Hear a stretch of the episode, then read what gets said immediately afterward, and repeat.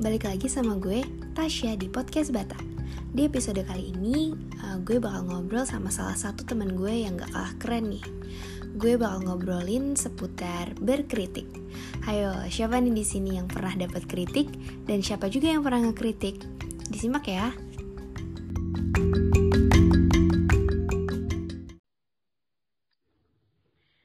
Halo Diwa.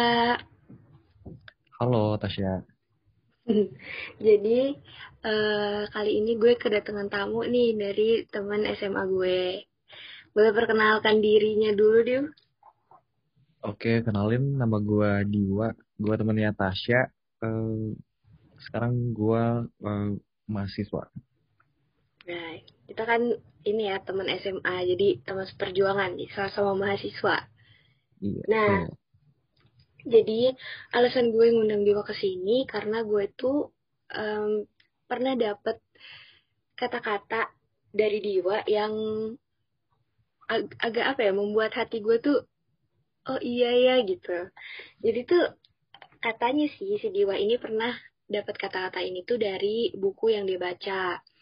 Nah, sebelum Diwa jelasin nih, uh, jelasin lebih lanjut, jadi kata-kata yang gue dapat itu uh, kayak gini. Wait a moment. Jadi katanya, pantas atau tidak, semua orang itu tidak suka untuk dikritisi, dikomplain, maupun dicemooh. Katanya gitu. Bisa dulu dong dia dijelasin uh, dijelasin apa yang lebih lebih panjangnya lagi tentang kata-kata ini. Oke, dari kata-kata itu ya. Sebenarnya itu kata-kata uh, dari buku ya, uh, dari salah satu buku. Yang salah satu buku itu termasuk uh, gue pernah, gue bersyukur gue pernah baca itu gitu. Bukunya namanya How to Win Friends and Influence People. Jadi uh, ya itu salah satu quotes dari buku itu. Dia bilang kalau misalnya kalau semua orang tuh nggak suka dicemooh terus di uh, dikomplain dikritisi mau apa pun alasannya mereka atau mereka punya salah atau gimana uh, ya mereka nggak nggak nggak mau untuk dikritisi gitu. Itu suatu hal yang negatif buat mereka. Walaupun sebenarnya pantas gitu ya buat di buat dikritisi atau dicemooh. Tapi uh, mereka dalam uh, maksudnya dalam diri mereka sendiri gitu. Ya semua orang menolak gitu untuk dikritisi dicemooh walaupun memang pantas buat buat uh, itu gitu. Jadi ya maknanya ya itu sih. Kayak semua orang nggak suka buat uh, dilakukan seperti itu gitu mm tapi bahkan lu sendiri pun merasa kayak gitu ya Dio? Uh, kalau gue sih sebenarnya di gimana ya kalau dikritisi untuk hal yang membangun ya gue terima gitu. Ya emang lah kayak misalkan orang dikritik ya emang agak bete gitu ya meskipun kita salah ya emang agak bete. Tapi ya lihat dari maknanya dari substansinya uh, dia ngomongnya kayak gitu kenapa gitu. Mungkin kita ada salah atau gimana ya sebagai bahan evaluasi diri gitu. Tapi ya itu tadi benar itu salah satu uh, quotes yang tadi juga benar kalau semua orang tuh nggak suka buat di di komplain uh, segala macamnya Uh, dan kalau menurut gue, gue melihat hal itu sebagai dua hal gitu. Jadi apakah itu membangun atau enggak? Kalau misalkan enggak membangun, ya udah gue gue biarin aja gitu, enggak gue masukin ke dalam hati atau gimana. Tapi kalau misalkan membangun, ya itu menurut gue uh, apa ya? Suatu hal yang inilah mengevaluasi diri bisa dibilang. Jadi itu juga uh, diperlukan banget sebenarnya uh, kritik dari orang lain gitu sih. Hmm. Tapi kalau bagi lu nih ya, cara orang ngekritik itu uh, ngaruh nggak sih ke nya gitu kayak misalnya kan orang ada yang ngekritik yang uh, secara tidak langsung gitu kayak apa ya bahasa itu uh, sarkas ya sarkastik gitu tapi ada juga yang orang tuh mau langsung ngegas aja gitu. Lo tuh gini gini gini gitu langsung dikasih tahu gitu. Nah lo lebih menerima orang yang mana dan lo itu orang orang yang mana gitu. Uh, ya kita pasti tahu lah kalau misalkan dengar orang yang kritiknya yang uh, rada pedes gitu ya. Apalagi kritik yang misalnya di depan orang banyak gitu. Itu kan suatu hmm. hal yang hmm. memalukan.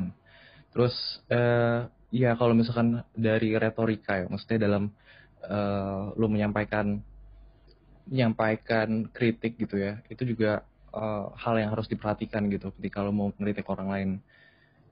Uh, tata bahasanya itu harus benar gitu. Kalau menurut gue ya ada uh, ya tata bahasanya jangan langsung misalkan lu salah lu salah nih uh, lu misalkan dicemooh lah dengan kata-kata yang kasar misalnya itu kan gak enak banget ya apa uh, rasanya di dikritik dengan kata-kata yang kasar gitu. Kayak mungkin bisa dimulai dengan hal-hal yang positif gitu dimulai dari kata-kata yang oh menurut gue lu udah baik gini gini gini gini gini. Uh, tapi misalnya uh, ada hal yang perlu uh, lu evaluasi lagi di bagian ini ini gitu misalnya. Jangan sampai nada kita yang nada kita yang sebenarnya pengen ngebangun itu uh, nadanya jadi jadi malah negatif gitu semuanya jadi negatif. Jadi kalau bisa di awal kalau kita ngomong gitu kalau mau kita kritik seseorang ya kita menghargai dulu mereka. Kita hargai dulu mereka ya baru kita uh, masukin kritik kita uh, apa gitu di situ. Jadi jangan serta merta langsung semuanya uh, dikritik gitu. Jadi orang nggak suka. Menurut gue sih Iya benar sih. Tapi kalau berarti kalau dari di kalau dari lu tuh uh, lu tuh lebih lebih ke apa ya?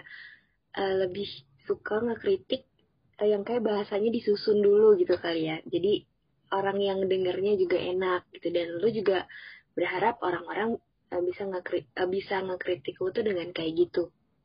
Hmm, iya sih, tapi uh, tapi nggak tahu ya kenapa ya gue lebih suka orang yang kritik secara pedes kalau ke gue ya mm-hmm. kritik pedas ke gue gue gak gue kok gue uh, gue secara pribadi gitu gue kurang suka uh, orang-orang yang diperhalus kata-katanya buat uh, ngeritik diri gue sendiri gitu. Karena menurut gue kritik yang sebenarnya kasar gitu yang nadanya agak kasar dan cenderung negatif itu justru yang malah uh, ngebangun buat diri gue sendiri sih. Jadi mungkin secara pribadi gue ya emang kayak bete lah kalau orang dikasih gimana ya dikasih uh, kritik secara pedes gitu uh, semua nadanya negatif gitu. Itu uh, ya bete bilang tapi kalau menurut gue itu sebagai ini apa ya ngebooster lah buat evaluasi diri. Kalau gue asumsi pribadi ya. Tapi kalau misalkan buat uh, orang lain ya gue rasa lebih suka lah nada yang uh, kayak nadanya lebih positif lah nggak nggak negatif.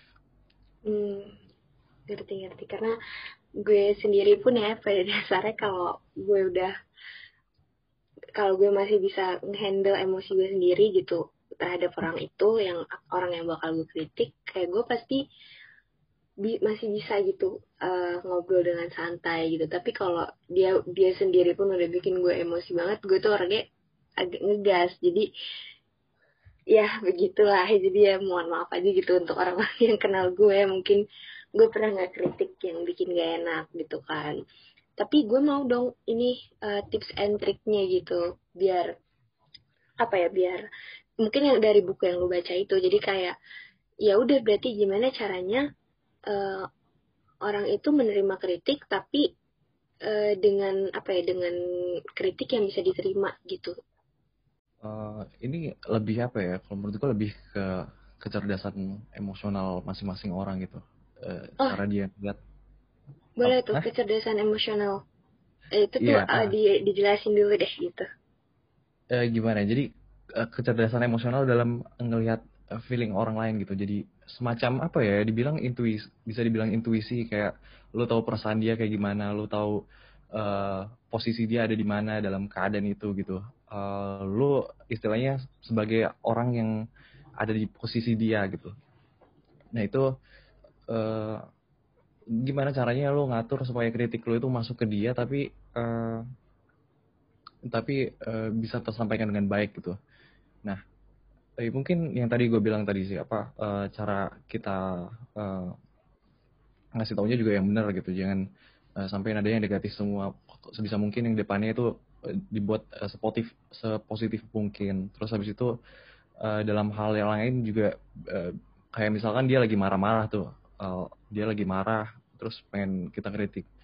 Uh, terus ya mungkin bisa kayak kita dengerin dulu masalahnya dia apa gitu. Kita dengerin keluhannya dia apa. Jangan sampai kita uh, kayak saling gontok-gontokan lah saling marah-marahan gitu kan.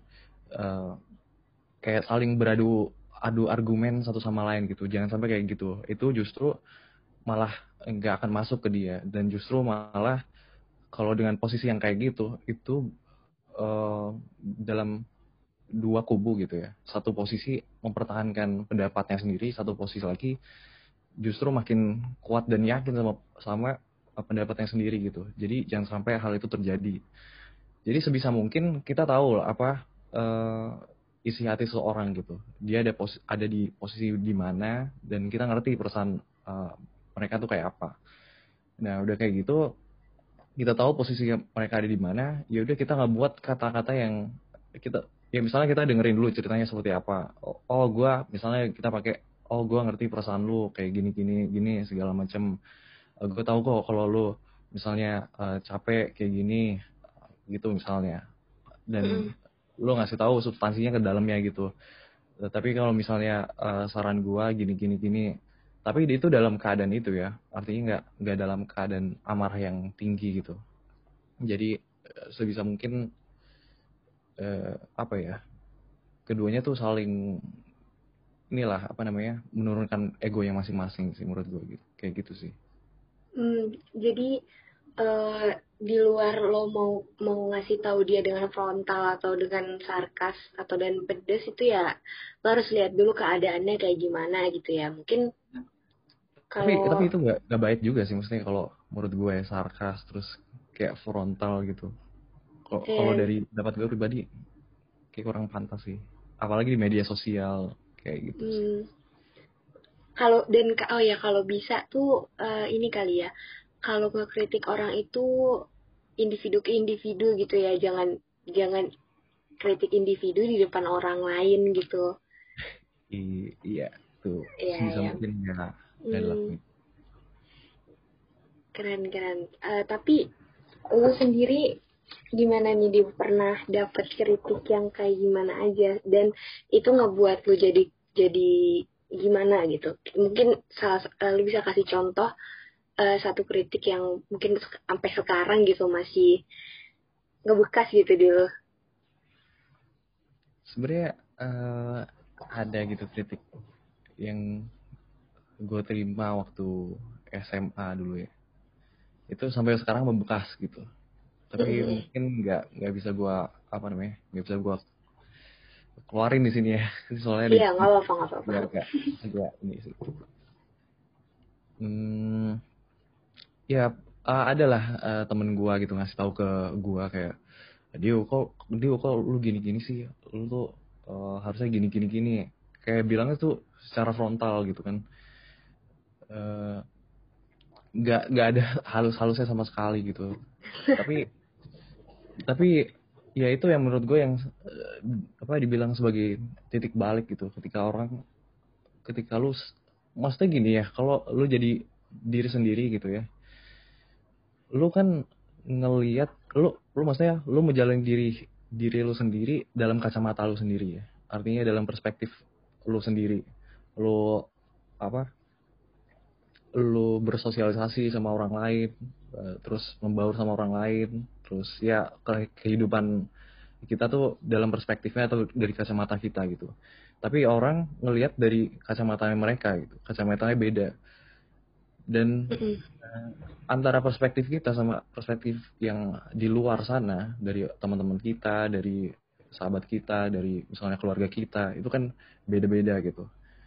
Dan itu uh, dan itu ketika ada orang yang ngekritik lu gitu ya jadi oh misalnya uh, lu kok kayak gini sih harusnya begini gitu itu semacam apa ya suatu kesadaran buat diri gua sih kayak oh selama ini gue tuh kayak gini ya. Gue tuh nggak nyadar kalau misalkan gue kayak gini. Ada suatu hal yang gak gue gak, gak gua sadari gue lakukan hal itu gitu. Dan mungkin uh, kebanyakan dari orang di sekitar gue uh, ngerasa hal yang sama gitu pendapatnya satu tentang hal itu ke gue gitu. Dan kalau misalnya hal itu membangun menurut gue dan itu benar log, logis gitu ya alasannya logis dan benar ya menurut gue itu uh, bukan suatu hal yang cemooh sih walaupun dalam nada yang kasar gitu. Itu menurut gue ya sebagai ya bisa dibilang harta karun sih menurut gue karena kadang orang tuh uh, ngira kita tuh ya? kadang ngira tuh kita tuh marah gitu sama mereka tapi sebenarnya beberapa orang tuh yang marah ke kita tuh sebenarnya gue yakin mereka peduli sih ya hmm. gitu sih jadi intinya lo pernah gitu ya sekali nerima kritik pedes ya ternyata itu uh, bisa juga membangun lo gitu dan ternyata itu benar gitu yes uh. Tapi lo uh, dengan kritikan itu lo merasa lo sekarang lebih baik gak? Hmm, kalau dalam hal itu uh, bisa dibilang ya dalam uh, asumsi gue pribadi gitu. Bisa dibilang iya sih cukup ya cukup baik lah. Nggak seburuk yang dulu gitu. Iya karena gue e, pernah dapat pengalaman ya. Hmm. sebenarnya ada gue kalau misalnya dikritik itu semarah-marahnya gue kalau menurut gue itu benar dan logis gitu ya. Itu gue pasti akan ngedengerin juga gitu walaupun awalnya mungkin gue marah. Cuman yang gue uh, highlight gitu di sini gue pernah nemuin orang yang ngekritik uh, dengan pedas gitu. Tapi kritiknya tuh salah isinya tuh salah paham gitu loh. Jadi dia uh, ngerti ini apa ya yang lo bilang tadi. Kan misalnya di kacamata gue kayak gini tapi di kacamata dia kayak gitu. Jadi kan beda arti ya. Nah pas dia kritik tuh kayak gue ngerasanya bukan gitu maksud gue gitu loh. Tapi gue udah dikritik duluan gitu. Dan ketika gue mencoba menjelaskan kayak maksud gue apa eh dia nggak apa ya nggak bisa nggak bisa menerima kritik gue balik gitu nah gue tuh bingung kalau orang kayak gini tuh apa sih yang ada di pikiran dia gitu kok dia bisa ngeritik gue tapi ketika gue membenarkan dia nggak nggak mau dengar gitu oh, maksudnya maksudnya lu kritik balik gitu orangnya Iya, enggak sih. Uh, sebenarnya gue nggak ngeritik balik juga sih. Gue lebih ke ngejelasin maksud gue itu apa gitu. Tapi ya mungkin dia udah udah terlalu kuat dengan pendapatnya gitu ya. Gue juga nggak ngerti. Nah, gue tuh bingung aja kalau buat ngehadapin orang kayak gitu tuh gue harus gimana gitu. Itu itu lo ngomong dalam itu temen apa pacar atau gimana? Penasaran um, ya pokoknya seseorang lah ya seseorang yang dekat dengan gue gitu ada di lingkungan hidup gue saat ini gitu hmm. Uh, iya sih ya kadang-kadang orang suka miskonsepsi gitu uh, tentang apa yang kita lakuin apa yang kita kerjakan. Mungkin uh, ya niat kita mungkin baik. Ya atau ya apa yang kita lakukan itu sebenarnya baik gitu. Dan mungkin ada miskonsepsi atau um, hal yang nggak sesuai dengan faktanya gitu. Uh, entah apa yang terjadi gitu misalnya. Gue nggak tahu case lu kayak gimana uh, karena detailnya gue nggak nggak dapat sedikit jelas gitu. Tapi mm. kalau misalkan uh, di dalam case itu ya um, ya kalau misalkan ada ini kalau ini balik lagi ke asumsi gue pribadi ya. Kalau misalkan ada orang yang uh, ngekritik gue tapi kritiknya itu uh, salah gitu mas. Maksudnya dalam dalam landasan yang salah dalam uh, miskonsepsi gitu tentang permasalahan yang ada dan otomatis kritiknya itu juga kan uh, substansinya juga nggak jelas gitu kan. Uh, ya kalau menurut gue ya gue ngomong dulu ke dia gitu. Masalahnya apa? Dia kan ngomong ke gue masalahnya gini uh, apa namanya uh, lu kayak gini. Ya pokoknya gue dengerin dia lah apa apa ini maksudnya landasan berpikir dia untuk kritik gue tuh kayak gimana dulu gitu. Kalau sampai gue ketemu oh ini ada hal yang salah nih ada yang uh, lu salah paham gitu. Ya udah gue kasih tahu dulu secara baik-baik gitu. Nggak nggak nggak secara frontal. Gue kasih tahu oh enggak kok gue kayak gini gini gini gitu. Gue cuma uh, ngasih tahu sebenarnya yang benar tuh kayak gini faktanya tuh kayak gini. Uh, ya lu berpikir uh, lu mengkritik gue itu atas landasan yang salah gitu.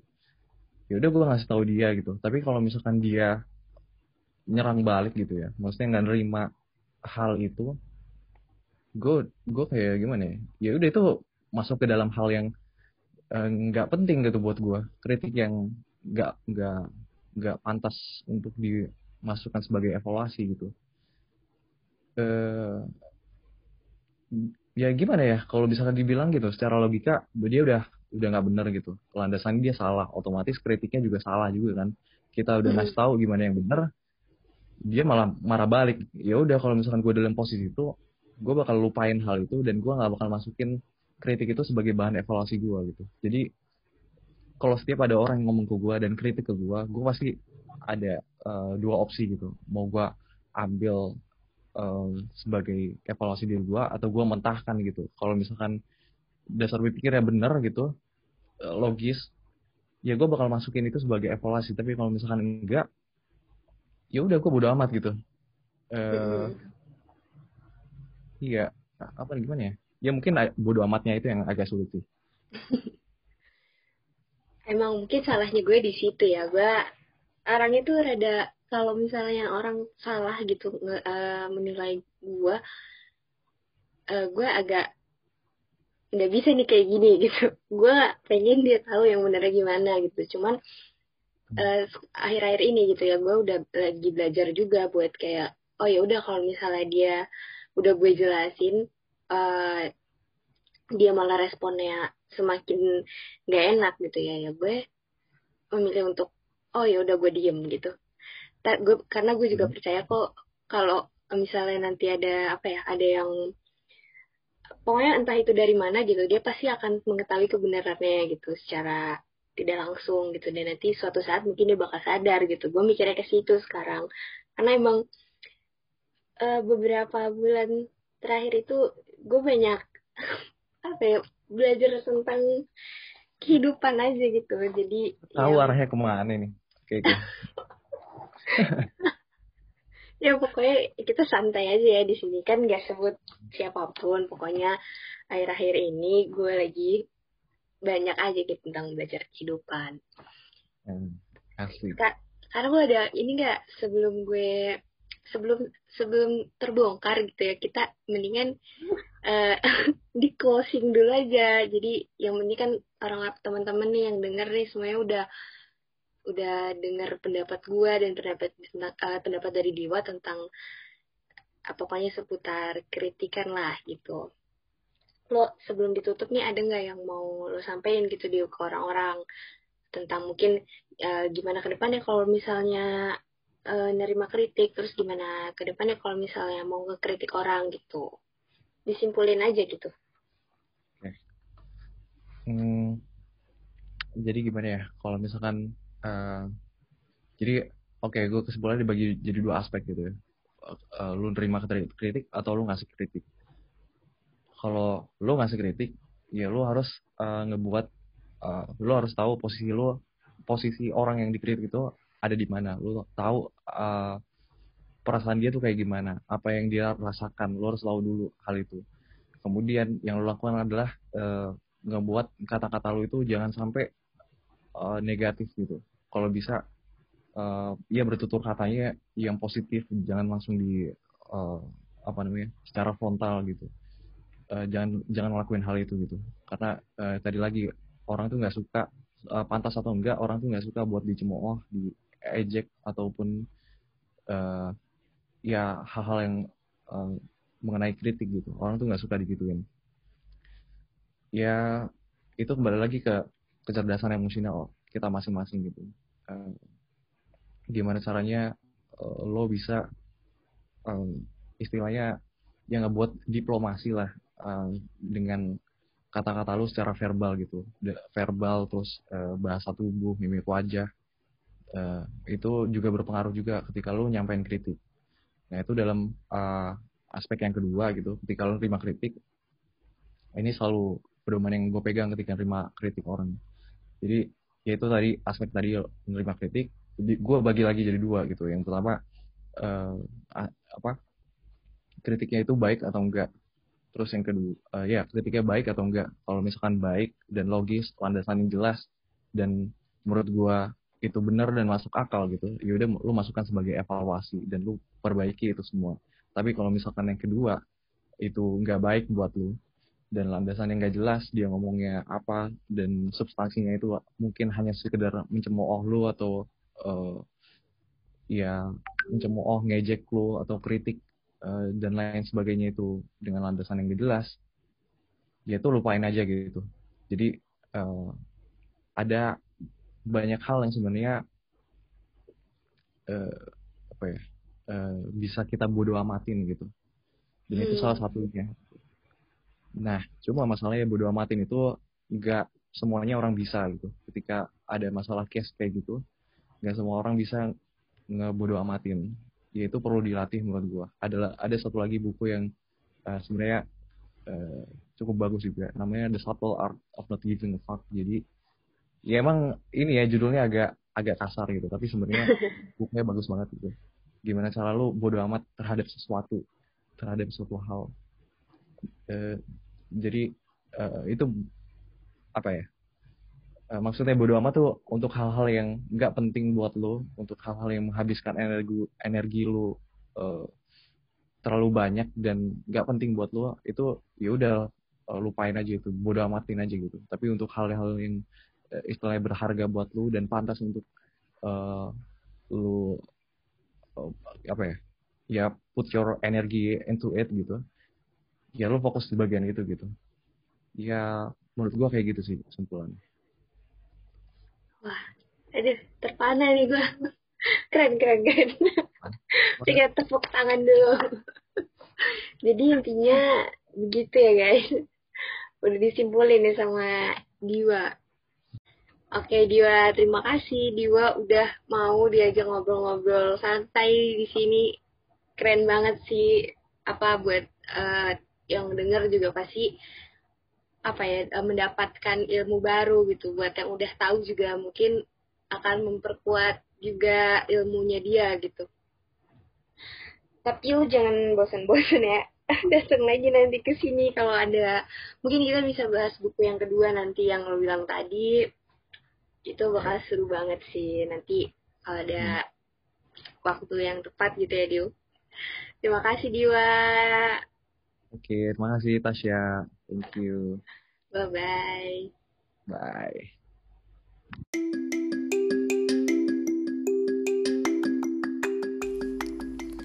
Nah, gimana nih para oren? Udah pada dapat ilmu baru belum seputar kritik? Kalau pesan dari gue sih, mulai gunain tata bahasa yang baik ya mulai sekarang. Kalau nggak mau dapat kritik yang negatif dari orang-orang. Mulai dulu dari diri sendiri, baru nanti akan dapat efek yang positif dari orang-orang. Sampai ketemu di episode selanjutnya.